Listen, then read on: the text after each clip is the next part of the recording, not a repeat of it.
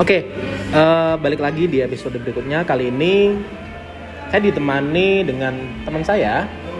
Namanya adalah Fabian Dwi Tantra, cuman dia punya nama panggung namanya Pio. Pio Haha gitu katanya. Nah, aku nggak tahu ini kenapa namanya Pio Haha gitu.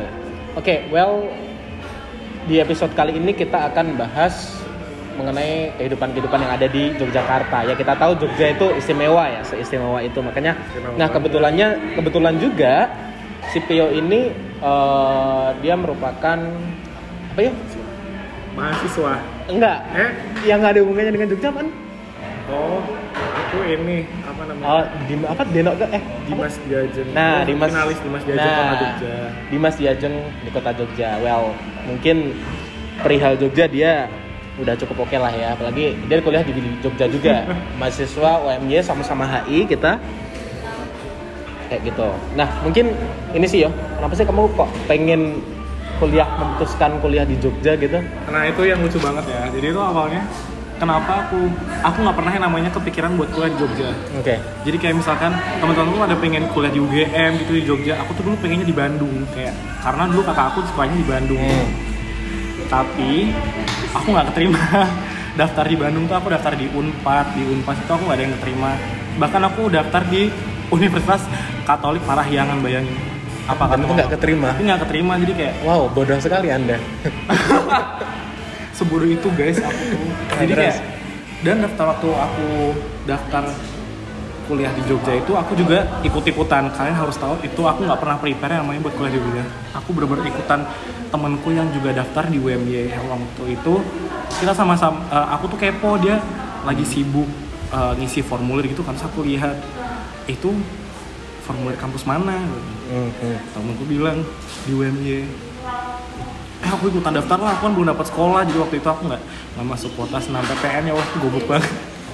Dan aku juga nggak eh, waktu itu pokoknya belum dapat sekolah lah jadi bener-bener literally ikut ikutan doang.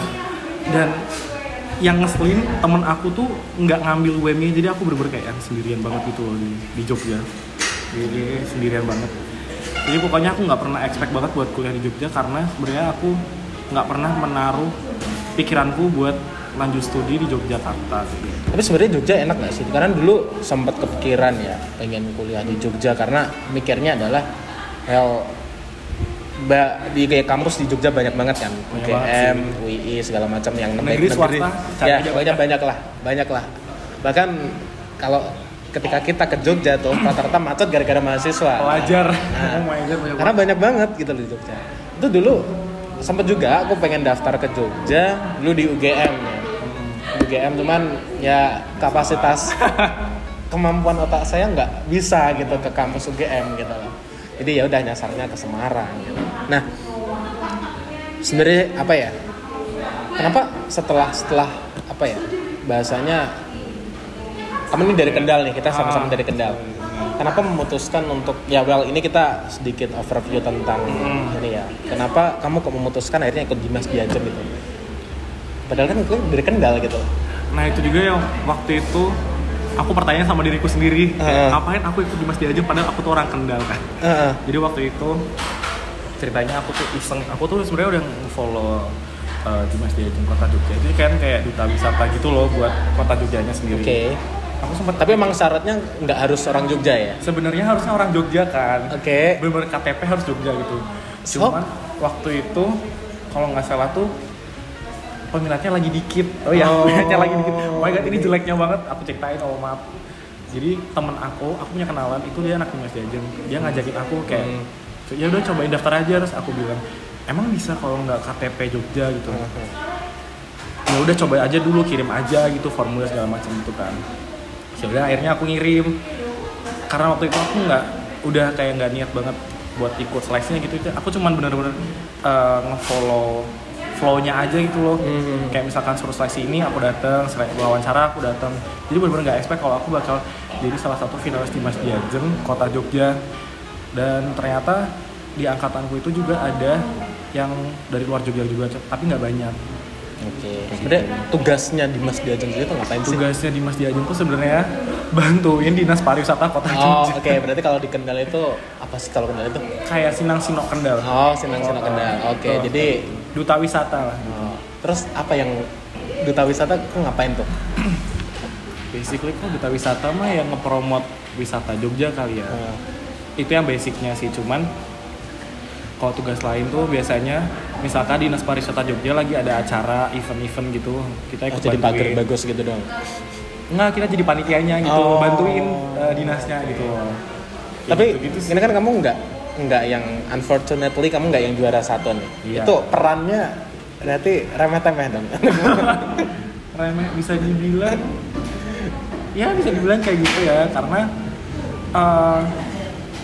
gimana ya duta wisata tuh sebenarnya tugasnya tuh nggak yang macam-macam gitu loh jadi kayak oke jadi yang selalu garda terdepan yang juara yang satu juara gitu satu. gitu nah kalau misalkan yang juara satu baru nggak- bisa baru tuh diturunin. Oh turun turun dua tiga nah. Siapa yang bisa Oke. gitu.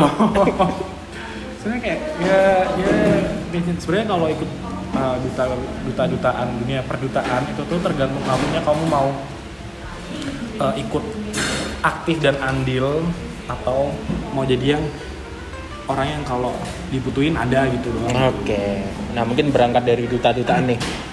Ya mungkin kalau kamu suruh membawa Jogja udah inilah ya, udah bisa Ya, kan pasti lumayan ditanya-tanya ya. kan ya waktu jadi itu. Nah, sebenarnya yang dipunya dari Jogja itu apa sih? ini juga sering banget aku ditanya, uh, ditanyain sama teman-temanku yang bukan dari Jogja yang bukan kuliah di Jogja atau tinggal di Jogja Hmm. Apa sih yang dipunya dari Jogja? Aku tuh nggak bisa jelasin. Nggak tahu kenapa. Itu tuh kayak menyangkut perasaan aja anjay perasaan.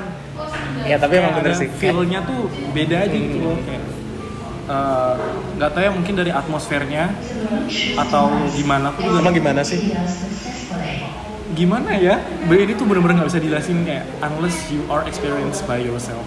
Oke. Menurutku ya. Nah, karena aku pribadi itu Jogja punya memori setiap sudutnya anjir gimana tapi sih? emang emang bener, emang bener, emang bener, emang bener. Tapi nanti itu bahas nanti. Bahas ya. nanti. Tapi yang jadi apa ya?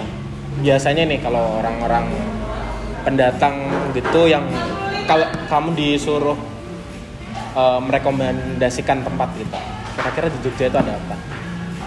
Eh, karena Jogja itu adalah kota wisata kamu mau wisata kuliner wisata religi wisata sejarah wisata malam banyak banyak banget tinggal Ya mungkin dari wisata alam dulu Nah, deh. kalau wisata alam juga Oke. ya Jogja itu kan luas kan. Jadi kayak dia tuh wisata alamnya juga lumayan bervariasi gitu loh. Ada kalau mau ke gunung bisa ke Gunung Merapi. Kalau mau ke pantai, Jogja itu adalah surganya pantai. Eh by the way yang itu yang di Jogja itu kan ada satu wisata hutan pinus gitu kan. Oh iya itu juga. Cuman aku masih bingung nih sebenarnya di hutan pinus tuh mana yang sebenarnya hutan pinusnya paham nggak sih? Jadi kayak sepanjang itu daerah apa namanya? Eh, aduh maaf ya udah lupa nggak ke sana soalnya. Eh, daerah Imogiri. Iya Imogiri, Iya, kayaknya Imogiri. Itu sepanjang sana itu banyak hutan pinus dan Hmm. setiap belokan Ada hutan pinus. Nah, dan jadikan tempat wisata. Kadang ini membingungkan kita, ini yang bener yang mana gitu loh. Oh, paham, paham. Nah. Kayak harus ke yang Nah, mana? ah, yang mana gitu loh. sebenarnya hmm, emang daerah situ tuh mulai dibikin jadi tempat wisata semua gitu loh mulai dikembangkan untuk uh, jadi tempat wisata Hmm. biar uh, banyak wisatawan yang datang gitu loh jadi kayak misalkan sebenarnya tuh wisata hut, uh, hutan pinus tuh waktu itu dulu waktu aku pertama kali kuliah di sana itu nggak terlalu banyak spotnya Oke. Terus lama kelamaan mungkin dari dinas pariwisatanya ngelihat ini tuh bisa suat- jadi suatu wisata yang dikembangin gitu. Jadi akhirnya daerah Imogiri, uh, mostly daerah Imogiri itu dijadiin hutan pinus. Mainstream nggak sih tapi jatuhnya? Ketika semua semua kayak itu jadi Iya jatuhnya sih mainstream ya karena tapi yang pertama kali banget banget banget yang pertama kali banget itu yang mana sih? Kayak karena gini gini. Dulu waktu waktu aku ke hutan pinus pertama kali ke sana itu aku sama siapa ya? Wait, wait, wait, aku ingat-ingat. Kayaknya sama anak-anak kendal juga sih. Kayak sama Hilmi, halo Hilmi. nah, pokoknya pertama kali ke sana itu di situ kan. Itu ya itu yang ada apa sih? Jelasinnya susah lah. Yang naik naik ke atas. Kayaknya semuanya naik ke atas Kayaknya juga sih. semuanya naik ke atas deh. Aduh, susah deh pokoknya. Pokoknya ya itulah Oh iya paham. yang paham, ada paham. seberang dia nyep- ada dua Jadi yang tempat parkirnya itu yang sebelah sini. Oh iya iya, ya ya Yang yang pertama naik- kali. naiknya yang situ. Naiknya sebelah, seberangnya itu kan. Heeh. Nah, itu- seberangnya itu ya lebih tepatnya. Mana ya itu? ya? It, eh, setahu aku sih itu yang OG-nya ya, originalnya Oke, ya. ah. Jadi emang eh, sebelum wisata hutan pinus itu berkembang di Jogja, setahu aku itu ah, daerah dekat kebun buah Mangunan itu. Oh, oke. Yang OG-nya itu di situ sih. Jadi emang itu kanan kiri jalan itu isinya hutan pinus semua. Ya, kadang bingung juga karena kali berarti kali keberapa? Jadi aku baru sekitar empat kalian ke sana ya, dengan orang-orang yang berbeda juga. Lumayan banyak ya. Kayak lu baru berapa kali doang dari ke sana. Karena jadi pertama sama itu Hilmi dan kawan-kawan, kedua sama teman-teman BPH Kabin, ketiga sama Doi. Main sering ya. Nah, jadi- Jogja. Jadi eh, yang ketiga ini aku sempat keliru karena nggak ngerti gitu. Yang sebenarnya yang asli itu yang mana sih gitu loh. Oh iya sih. Banyak juga sih teman-teman aku yang eh, dari luar Jogja, kalau ke Jogja tuh pasti nanya, eh kalau ke hutan pinus tuh yang mana? Soalnya kamu tinggal milih aja mau yang mana. Jadi kayak aku sendiri pun yang udah lama tinggal di sana itu juga rada bingung kalau mau jelasin yang original tuh yang mana karena udah saking banyaknya wisata hutan pinus jadi kita nggak eh, kayak nggak ada bedanya gitu loh. Oke. kayak sama. Kita beralih dari dataran tinggi ke dataran rendah. dataran rendah yang berpasir-pasir nih. Oh iya, Nah, uh seru banget itu. jujur aku bukan penikmat pantai sebenarnya. Oh bukan jadi, anak pantai. eh, jadi aku ag- agak alergi dengan matahari kali ya. Oh, jadi eh, panas. Kayak aku juga lagi suka. panas sih sebenarnya. Nggak seneng. Aku hitam. Betul sekali nggak senang dan sebagainya. Nah, sebenarnya kalau di Jogja tuh pantai yang recommended apa sih? Kalau dari aku ya personal selama 4 tahun tinggal di Jogja ya recommended kalian harus ke daerah Gunung Kidul itu wow. Jadi karena daerah Gunung Kidul itu dia eh, gunung-gunung Gunung tapi pantai gimana tuh? Bukan gunung kali pantai ya. Eh, dia itu Hah? dataran tinggi yang terbuat dari lantai lantai lautan. Aduh bahasa gue geografi banget ya mau geografi, geologi. Aduh nggak ngerti deh itu pokoknya. Jadi ya itu Gunung Kidul itu uh, gimana ya jelasinnya susah banget. Pokoknya pasirnya putih semua, nggak ada yang hitam di sana. Oke. Ka- Oh karena dia terbuat uh, dari batuan kapur. Oh, gitu. Itu yang ditawarkan di gunung itu apa aja tuh pantainya? Banyak Bisa banget. salto di sana atau gimana? Kalian mau private beach juga ada. Jadi uh, oh iya tiap tahun tuh pasti selalu ada pantai baru yang dibuka di sana karena saking karena itu Gunung Kidul itu garis pantainya Jogja kan. Oke. Jadi sepanjang perbatasan Jogja sama laut Samudra Hindia itu pasti ada pantai. Oke. Tinggal dari warga sananya aja yang atau enggak kalau kamu pinter-pinternya nyari tempat yang nggak mau rame, kalian pasti bakal nemu pantai baru di sana. Oke. Gitu. Oh, banyak juga ya. ada yang private beach ada, yang rame juga banyak, gitu-gitu. Hmm, menarik, menarik, menarik.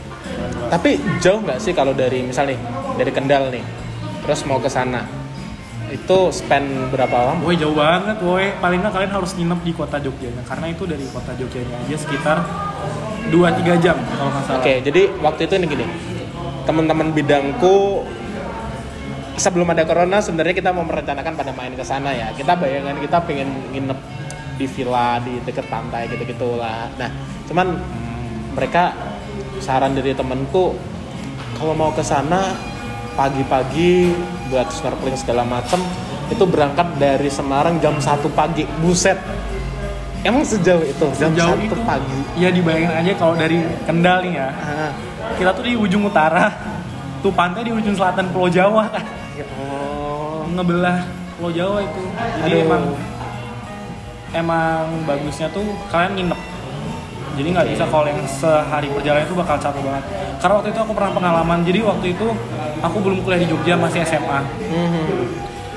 Dia itu bodohnya malam tahun baru aku memutuskan untuk tahun baruan di pantai di Jogja. Coba bayangin seramai apa sih? bayangin seramai apa? Yaitu kita berangkat dari jam 6 pagi sampai jam 6 sore di sana. Kita benar-benar 12 jam di jalan, woi gila. Ya Allah. Sejauh itu.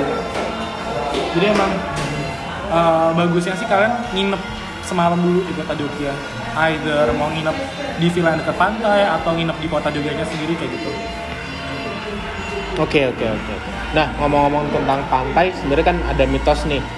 Itu pantai mana sih yang ada mitos-mitos nggak boleh pakai Ah, baju hijau gitu-gitu? mitos kayak gitu semua di semua pantai Jogja kan ada mitosnya kan. Kalau nggak boleh pakai pantai pantai hijau. Nggak boleh pakai baju hijau. Berwarna hijau di sana. Kayak gitu. Tapi emang bener nggak sih? Emang nggak boleh pakai baju baju hijau? Ah, sebenarnya bukan nggak boleh ya. Tapi ya boleh sih cuman baju baju hijau itu agak lebih sulit kalau misalkan kalau misalkan buat dicari di lautnya karena laut laut eh, Tapi pernah pernah ini nggak pernah mendengar berita kalau orang yang pakai baju itu pasti diseret? Oh iya banyak. Banyak. Tapi seriously emang nggak ketemu oh iya. nggak ketemu korbannya nggak tahu kenapa Oh. tapi yang paling terkenal itu di emang di para, pantai Parangtritis sih karena emang Oke. eh, pantai Parangtritis itu salah satu mitos yang paling kental banget di Yogyakarta Kayak waktu itu ada thread di Twitter di pantai, ya pantai-pantai juga ada villa gitu pantai, bawahnya kuburan gitu ya kalau nggak salah. Hah demi apa sih Iya loh, aku belum pernah tahu aku malah belum pernah tahu eh, nggak tahu ya pantai yang mana ya. Aku belum pernah denger sih Oh, ya Allah serem juga. jadi Tapi ya pernah menantang coba, karena waktu itu kan sempet trending juga tuh. Jadi eh, ayo rame-rame kita pakai baju warna hijau. eh pernah pernah waktu itu aku lagi ngebawa eh, mahasiswa asing dari kampus aku Oke. buat eh, tour gitu kan Oke. salah satu tujuannya itu di pantai Parangtritis Oke. Nah, orang bule emang dasarnya orang bule kalian nggak pernah dengar cerita mitos-mitos gitu ya mereka santai-santai aja lah pakai baju hijau, beberapa pakai baju hijau. Tapi nggak kenapa-kenapa. Alhamdulillah sih nggak kenapa-napa sih. Mungkin kayaknya nggak doyan orang bule kali ya ya kali ya, ya. susah kali buat ngobrolnya kan. Eh, lebih suka yang Jawa-Jawa kali. Gitu. Oke, kalau misalkan tentang makanan nih, Jogja adalah tempat yang tepat untuk wisata kuliner. apa aja tuh yang bisa diokein? Orang mainstream ya, gudeg lah, apalagi, apalagi ya, gudeg lah. Pokoknya udah nggak diraguin lagi gudegnya Jogja. Gudeg Yujum. Yang enak di mana? Yujum. Yujum itu di yang di deretan Kaliurang, Jalan Kaliurang itu nggak sih? Eh bukan ya, itu gudeg apa tuh? itu cabangnya, tapi Oh, kalau cabangnya. ojinya itu yang di daerah keraton. Daerah Keraton. Oke. Kalau sate apa namanya? Yang cuman seporsinya dua doang. sate kambing, sate sate kelatak, oh my god. ah. Itu emang enak, tapi harganya wes langit banget gila. Jadi itu namanya sate pakong, sate kelatak pakong. Sate kelatak pakong itu dia sate kambing doang sebenarnya. Tapi Yang bikin unik itu dia ngebumbuinya. Dia tuh bumbunya sebenarnya cuma garam, merica, sama nggak tahu apa kayak gitu deh. Pokoknya sebenarnya bumbunya tuh sederhana banget. Sebenarnya kan ada ini juga. eh, nggak tahu pernah disaranin temenku juga satunya Pak Pong apa namanya yang di pasar apa itu Aduh maaf ya kalau nggak tahu. Serius nggak tahu. Di Ini nggak tahu Nggak tahu. apa sih satunya tuh yang jadi selain Pak Pong emang aku aku kalau langganan emang suka Pak Pong ya karena itu yang pertama paling terkenal ah, ah, sih. pertama kali lidahku menjajakan sate kelata ya adalah Pak Pong gitu apa ya pokoknya di daerah pasar deket pasar gitulah Soalnya kan sate kelatak tuh banyak banget di Yogyakarta. Ca- uh, bukan cabangnya Pak Pong ya, tapi yang buka yang jual sate kelatak itu banyak kayak gitu. Jadi kayak terlalu banyak. sih. terus biasanya juga nih kita kita kalau dari Jogja beli oleh-oleh pasti bakpia dan itu ada nomornya 6677 Oh iya itu, aduh.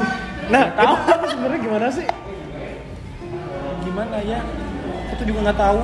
Itu nomor yang yang benar nggak pernah kayak nggak pernah gitu. kepo Nggak pernah kepo kayak ya udah mereka jual. Tapi emang setahu aku ya, setahu Ah. aku banget ini itu tuh nomor itu tuh kayak menunjukkan eh, siapa yang pertama kali bikin duluan. Jadi kayak misalkan oh gitu semakin- absen gitu ya Iya kayaknya deh. Tahun Oh. bukanya kali ya. Aku juga nggak begitu tahu sih. Jadi banyak banget kayak 47, 57 dan 47, 57, semua mengklaim dirinya itu asli. Asli gitu kan. Ya mungkin gimana ya? Kayaknya sih mereka pernah eh, yang kerja-kerja gitu tuh pada buka. Jadi kayak keluar dari satu perusahaan gitu, terus buka-buka sendiri kali ya. Hmm. Mahal banget nggak pernah kepo soalnya. Soalnya aku sendiri nggak suka bakpia. Ya sama sih aku juga nggak nggak suka. pernah beli. Gak tau kenapa kalau misalkan bakpia aku lebih suka yang rasa-rasa kayak yang coklat atau daripada yang original yang kacang hijau nggak tahu nggak seneng aja kalau yang kacang hijau nggak benar-benar nggak suka bakpia sih. Jadi maaf nggak tahu nggak bisa menjawab pertanyaannya. nah ini sih jadi beberapa musisi-musisi ya banyak kan ya Club Project, Jawa Hip Hop atau apalah itu oh iya. terus Jogja yang ya. ah, yang terus ada yang ini yang anak muda anak muda aku nggak ngerti ya yang sesuatu di Jogja itu lagunya siapa nggak tahu Ah demi apa sih nggak tahu ngakak banget. gimana sih nih orang nih nah Aduh, intinya tahu bang. di musisi-musisi pasti selalu ngasih statement kalau well there is something special in Jogja gitu loh Ya emang bener sih kayak nggak tahu kenapa ya setiap orang yang tinggal di Jogja dan keluar dari Jogja tuh pasti mereka bakal pengen balik lagi sih. kenapa tuh Karena mungkin eh, vibes-nya kali vibes nah apa ya suasananya tuh beda aja gitu. Ya walaupun sama-sama macet rame gitu cuma iya tapi emang bener sih walaupun macet itu kayak bawanya happy aja gitu. Happy aja nggak tahu ya kenapa. Nggak pernah stres jadi kayak ya memang kalau ke Jogja masih macet tapi seneng gitu loh. Nggak tahu demi allah nih serius nggak bisa dijelasin banget Ke- kecuali kalian datang ke sana sendiri. Nah terus nih mungkin kita bantu dikit apa mungkin kenangannya? Ada kenangan apa aja sih di Jogja? Eh, ntar kita sharing aja nih. Aku juga pasti ada ada. kenangan gue nih banyak banget woi kenangan di Jogja. Karena kalau aku personally ya aku pindah ke Jogja itu aku nggak eh, gimana ya? Nggak banyak yang dari Kendal itu yang aku kenal ya itu ke Jogja juga. Kalaupun Maksudnya? ada. Jadi misalkan aku tuh ngerasa kayak aku tuh bawa diriku sendiri gitu loh ke sana. Oke. Kayak bener-bener starting new life gitu. Karena Oke. walaupun ada beberapa temenku juga yang uh, dari satu SMA dari Semani. Semani. Itu sama-sama di Jogja. Kita ya nggak pernah jarang kontakkan itu loh. Karena aku mikirnya pasti mereka punya kehidupan sendiri. Lu ansos jangan-jangan kali. Eh mana ada ansos yang enggak ya Ah, mungkin ada dari akunya sendiri yang pengen Oh atau ah, mungkin menganggap hidup baru Enggak atau jangan-jangan teman-temanmu yang di Jogja tuh di bawah kastamu kali. ya. di atas semua kalau di Jogja gimana ya terus terus terus terus. kalau dari aku sendiri tuh aku benar-benar kayak merasa memulai hidup baru di Jogja karena di, eh, yang pertama aku tuh kuliah di kampus aku itu UMY itu nggak banyak yang dari Kendal ya mungkin banyak cuman aku nggak tahu karena aku juga nggak mau tahu. Intinya kalau dari aku sendiri aku pengen memulai hidup baru gitu. Ah. kayak pengen ngerasain apa yang nggak dira- aku rasain di Kendal. Ah. kalau dari aku kayak gitu. Ya jadi makanya eh, aku nggak terlalu banyak bersosialisasi dari sama anak-anak. Kendal. Sebenarnya gini juga sih, kalau ngomong-ngomong Jogja ya, ngomong-ngomong kenangannya juga. Ya selama masa kuliah ini kan aku pasti deket dong dengan beberapa orang, orang gitu. lah. Ya Dari awal jadi nggak tahu kenapa pasti harus kebawa ke sana gitu, ngerti nggak? paham. Banyak sih kayak gitu juga Kayak tahun pertama nih dekat sama orang ke Jogja juga, walaupun kita random waktu itu kita naik kereta dan aduh sumpah nggak tahu nggak tahu. jangan sedih dong. Ya, nggak flashback flashback gitu pokoknya enak lah kita naik kereta terus sampai itu kan ada ini kan jalur apa kalau kereta yang Jogja Solo oh apa namanya? Kayak komuter gitu kan? Nah ya kayak gitu gitulah itu kan waktu itu kita dari Semarang transit ke Solo baru ke Jogja. Hmm. tuh. Zet. Itu kita benar-benar berdua backpacker gitu kan. Gila. Tapi seru banget backpacker. Iya, sumpah itu banyak banget. yang backpacker gitu dan juga hotel-hotel di sana itu ramah di kantong. Parah. seratus ribu udah bisa hotel nginep. mana seratus ribu? Dapat Nah. ruang AC spring bed. Gitu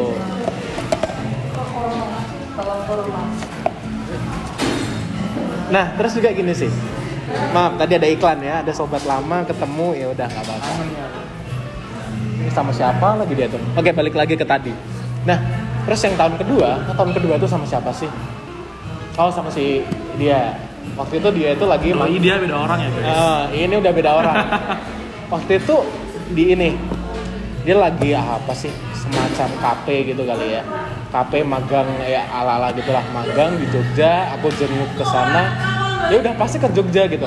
Nah yang ketiga ini kita main, kita main ke Jogja gitu ya, bukan main yang main yang lain ya yang nggak tahu ya. rahasia pribadi Ah, ini rahasia pribadi. nggak tahu kenapa mesti enak aja Harus ke Jogja Ah, ah. ya? harus meninggalkan memori di sana gitu loh pernah nggak sih kamu dengan seseorang gitu sampai menghabiskan ini. Hmm, mau nangis deh kalau ngomongin kayak gini. Apalagi aku juga aku sendiri kan tinggal di Jogja ya jadi kayak pasti setiap orang yang aku kenal itu ada memori tersendiri sih mau itu cuma teman rekan Hmm. kerja dan seseorang yang pernah di hati aku. Ah yes. Itu pasti ada memorinya sendiri sih. Nggak tahu kenapa ya spending time di Jogja itu kayak it feels like time is stop Iya benar benar. Eh, ingat banget waktu itu aku yang ketiga itu pas tahun baru menjelang eh tahun baru atau liburan ya. Sampai waktu itu aku nginep di daerah Pisangan ya atau apa sih itu? Ah, yang waktu itu nginepnya tuh yang waktu itu di hotel itu oh yang waktu pernah samperin itu loh itu daerah mana sih nggak tahu ya lupa Nah, ini orang emang sering nyamper di hotel-hotel sih soalnya. Nah, banyak nginep di situ. Itu posisi waktu itu Malioboro macet parah banget. Kita akhirnya memutuskan untuk nggak ke sana gitu, karena males. semacam itu guys Pokoknya gitulah. Semalesin itu. Tapi ya karena kita menghabiskan dengan orang yang kita sayangi mungkin Nah, atau kita itu- peduliin Nah itu nggak tahu kenapa. Jogja pasti jadi tempat yang mm, ences banget lah pokoknya untuk buat meninggalkan kenangan Nah, at least meninggalkan ya. Jadi tapi bener sih. Doi doiku setelah yang setelah aku ajak maaf setelah aku ajak di Jogja pasti langsung kandas gitu loh. Aduh, aduh, aduh. itu kayak mitos juga kali ya kalau orang yang yang ber eh, memiliki hubungan terus kalian pergi ke Jogja emang dalam rangka untuk berlibur. Emang ada mis- mitos kayak gitu? terus kayak gitu juga. Oh iya. kalau kalau ke Jogja dan you pacaran atau ya paling nggak in relationship lah. Itu most of the time mereka pasti kandas gitu aja. Nggak tahu ya kenapa. Padahal pasti ayo ke Jogja, ayo ke Jogja pasti Iya, pasti terus. itu banyak banget sih gitu. Cuman Oh. emang ada mitosnya kali ya. Jadi juga ya banyak beberapa pasangan kandas setelah mereka pulang dari Jogja Nah ngomongin pasangan nih, waktu itu aku pernah nih ngelamar kerja, ya kebetulan ujiannya di Jogja. Waktu itu karena tingkat kepercayaan orang tuaku sama aku rendah, jadi kayak apa ya? asli di Jogja Bapakku, bapakku kebetulan dia kerja di Magelang, jadi dekat lah ya dekat lah. Jadi waktu itu emang semalam ditemani bapakku. Nah waktu kita mau check in hotel, itu ada sepasang cewek dan cowok gitu mahasiswa gitu ya mahasiswa dan mahasiswi. Apakah pemandangan yang wajar di Jogja gitu? Em, kalau dari aku sendiri ya mungkin kan karena Jogja itu isinya pelajar-pelajar yang merantau jadi kayak Oh. uh, mungkin mereka ingin mencicipi atau menjajal kehidupan yang belum pernah mereka coba di tempat mereka sebelumnya jadi ya menurut aku sih itu uh, pemandangan yang sangat wajar karena aku sendiri pun ya nggak sekali dua kali kayak gitu Oh gitu. Udah berapa orang ditidurin? maksudnya nggak sekali dua kali ngeliat kayak gitu itu udah sering banget Oh, kok kira udah ini. kan namanya juga anak muda ya Oh, nggak apa-apa. Daripada nakalnya besok kan mending nakal Iya, sekarang. Nah. sekarang. tapi aku nggak menyarankan untuk nakal ya tapi kalau mau nakal ya do with your own risk Oke. nah, dulu itu waktu mau ngambil kuliah salah satu alasan aku nggak boleh di Jogja adalah pergaulannya sih. Memang Pergaulannya. uh, sewell itu orang-orang di Jogja.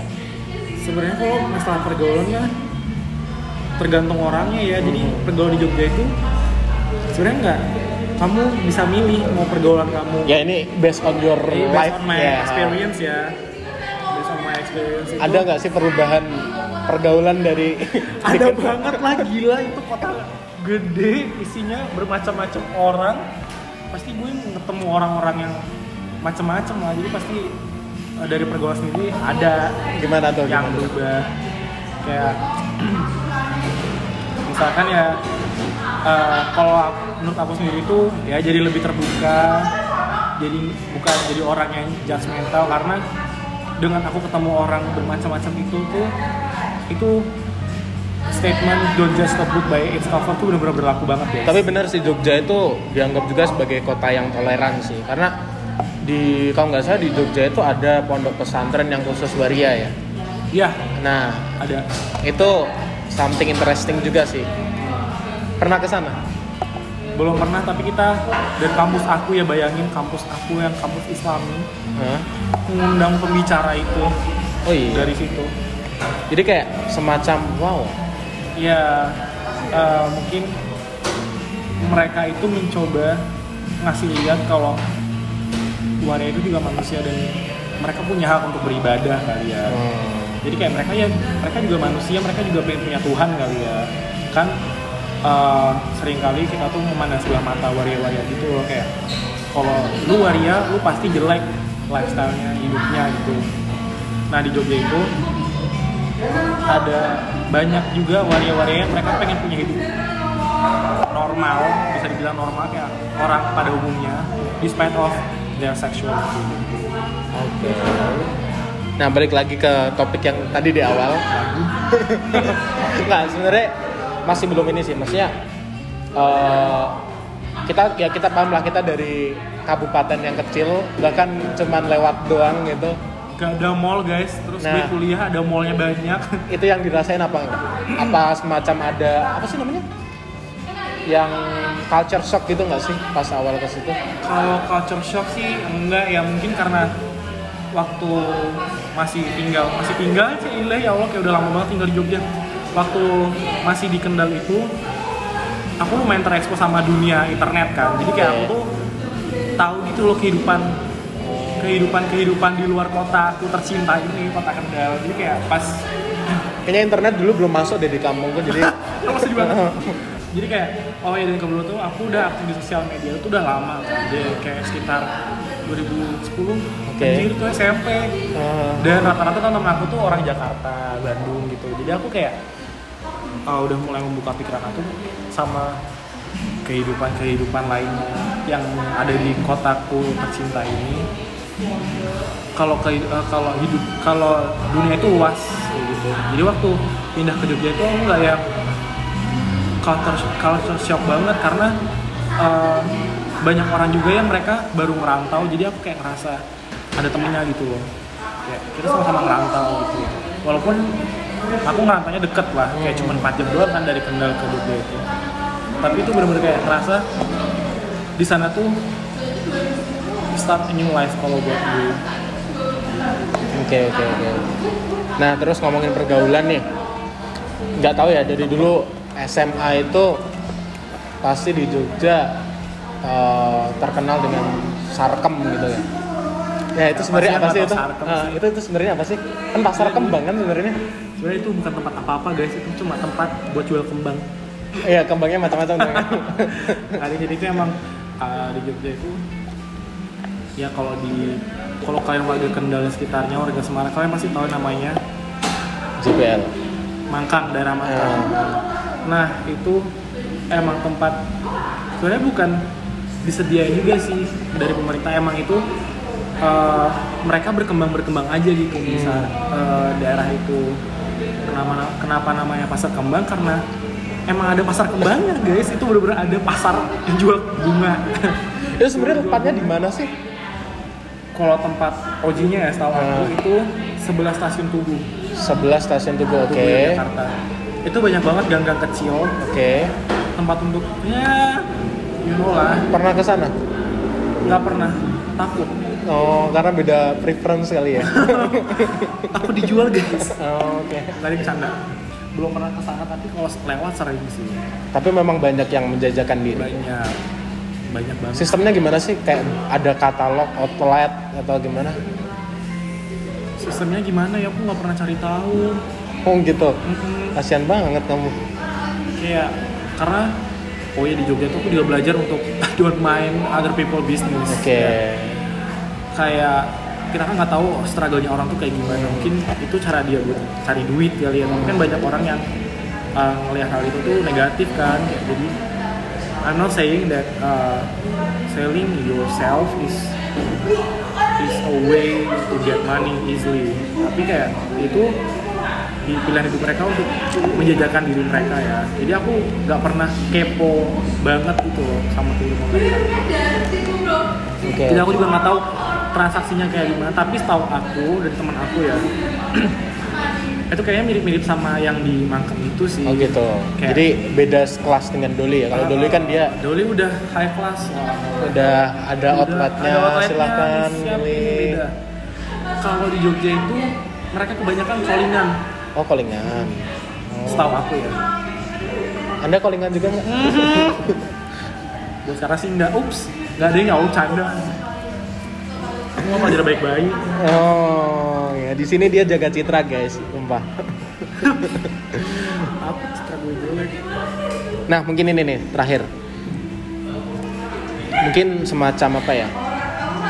Eh, ya mungkin pesan lah atau apa buat masyarakat. Di- ya buat masyarakat sekitar kalau mau ke Jogja mau ngapain harus persiapan apa atau mau kuliah di Jogja apa yang harus dipersiapkan? apa yang dipersiapin ya kalau gue mending mempersiapkan diri aja jangan kaget sama kehidupan kalian kehidupan baru kalian di sana ya karena Jogja itu tuh diverse banget ini kehidupannya Karena banyak juga loh temanku yang ke sana ya udah pada akhirnya yang lonte, jajan gitu. nah itu juga kalian harus pintar-pintar milih pergaulan juga Ini nggak nyindir loh ya? Iya, aku juga nggak singgir kok cuma kasih tahu aja gitu. Ah. pesen yang buat ke Jogja Jogja itu aku juga tahu aja ke Jogja itu kota gede coy. Oke. banyak orang-orang yang eh, apa namanya kehidupan lifestyle-nya tuh pasti beda sama kalian gitu loh. Jadi kalian harus pintar-pintar kalian boleh membuka diri tapi kalian juga harus pintar-pintar jaga diri. Oke. kayak aku nih misalkan aku mau jujur aja ya aku kan aku tuh baik-baik banget gitu kan kalau di rumah. Eh, di Jogja kan kalian hidup sendiri tuh. Kalau kalian hidup sendiri ya kalau gue kan ngekos ya. Itu hidup bebas banget sumpah. Eh, jadi buat belajar aja kayak bukan bukan buat belajar sih ya. Nggak pengen belajar, tahu soalnya. pengen tahu aja kehidupan sisi kehidupan lain selain kehidupan yang gue jalani itu kayak eh, kayak apa sih? Kayak misalkan ya Jogja kan juga kota 24 jam ya sampai subuh aja tuh masih rame gitu ya sih parah sih. masih pokoknya gitu deh Eh, gue juga hmm, nggak deny kalau gue pernah ke klub malam cuma buat pengen tahu aja Oh. Gitu. Ya malam saja kadang nggak ada klub malam iya, sih ya. mohon maaf kan kota kecil itu Mall aja paling besar tuh Anjay. Apa tahu Anjay? Anak Anjaya. itu jam 8 tutup gitu jadi kayak kalian buat orang yang mau ke Jogja itu eh, pesennya kalian harus membuka diri tapi jangan sampai kalian kehilangan diri kalian sendiri Oke mantap sekali ya. Hmm. Si Amit, kamu kehilangan diri kamu sendiri enggak? Eh, hampir Oh, hampir. hampir ya soalnya eh, teman-teman aku juga hmm, kan aku eh, membuka diri banget lah sama siapa aja mau berteman gitu loh Oke. Tapi enggak enggak enggak. Maksudnya banyak juga kok yang di Jogja juga baik-baik Iya. aja gitu kan.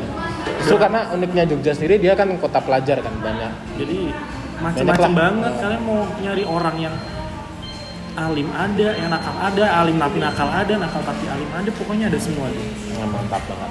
nah eh, kalau dari aku sendiri itu dengan kalian bergaul dengan eh, diverse gitu kalian mungkin yang bisa diambil itu kalian bisa kayak apa ya eh, mempelajari karakter orang tuh jadi kalian nggak cepet percaya sama orang kayak gitu. Terus juga nggak gampang ngejudge karena kita nggak pernah tahu background orang masing-masing kan. Hmm. kayak gitu. Gitu aja sih. Oke, makasih Pio waktunya. ini lama banget gak sih? Ya cukup lah ya. 40 Eh, menit ya itu. nggak jelas. Karena aku juga nggak terlalu gimana namanya. Nggak apa-apa ini masih wow ya gitu deh. paling nggak ada insight baru lah tentang kejogjaan Jogja in love deh selalu lihat ya Oke. atau jangan-jangan emang ada orang Jogja yang di hatimu kali ya? Oke ya udah. Oke makasih guys. Sampai Thank jumpa di episode berikutnya. Dadah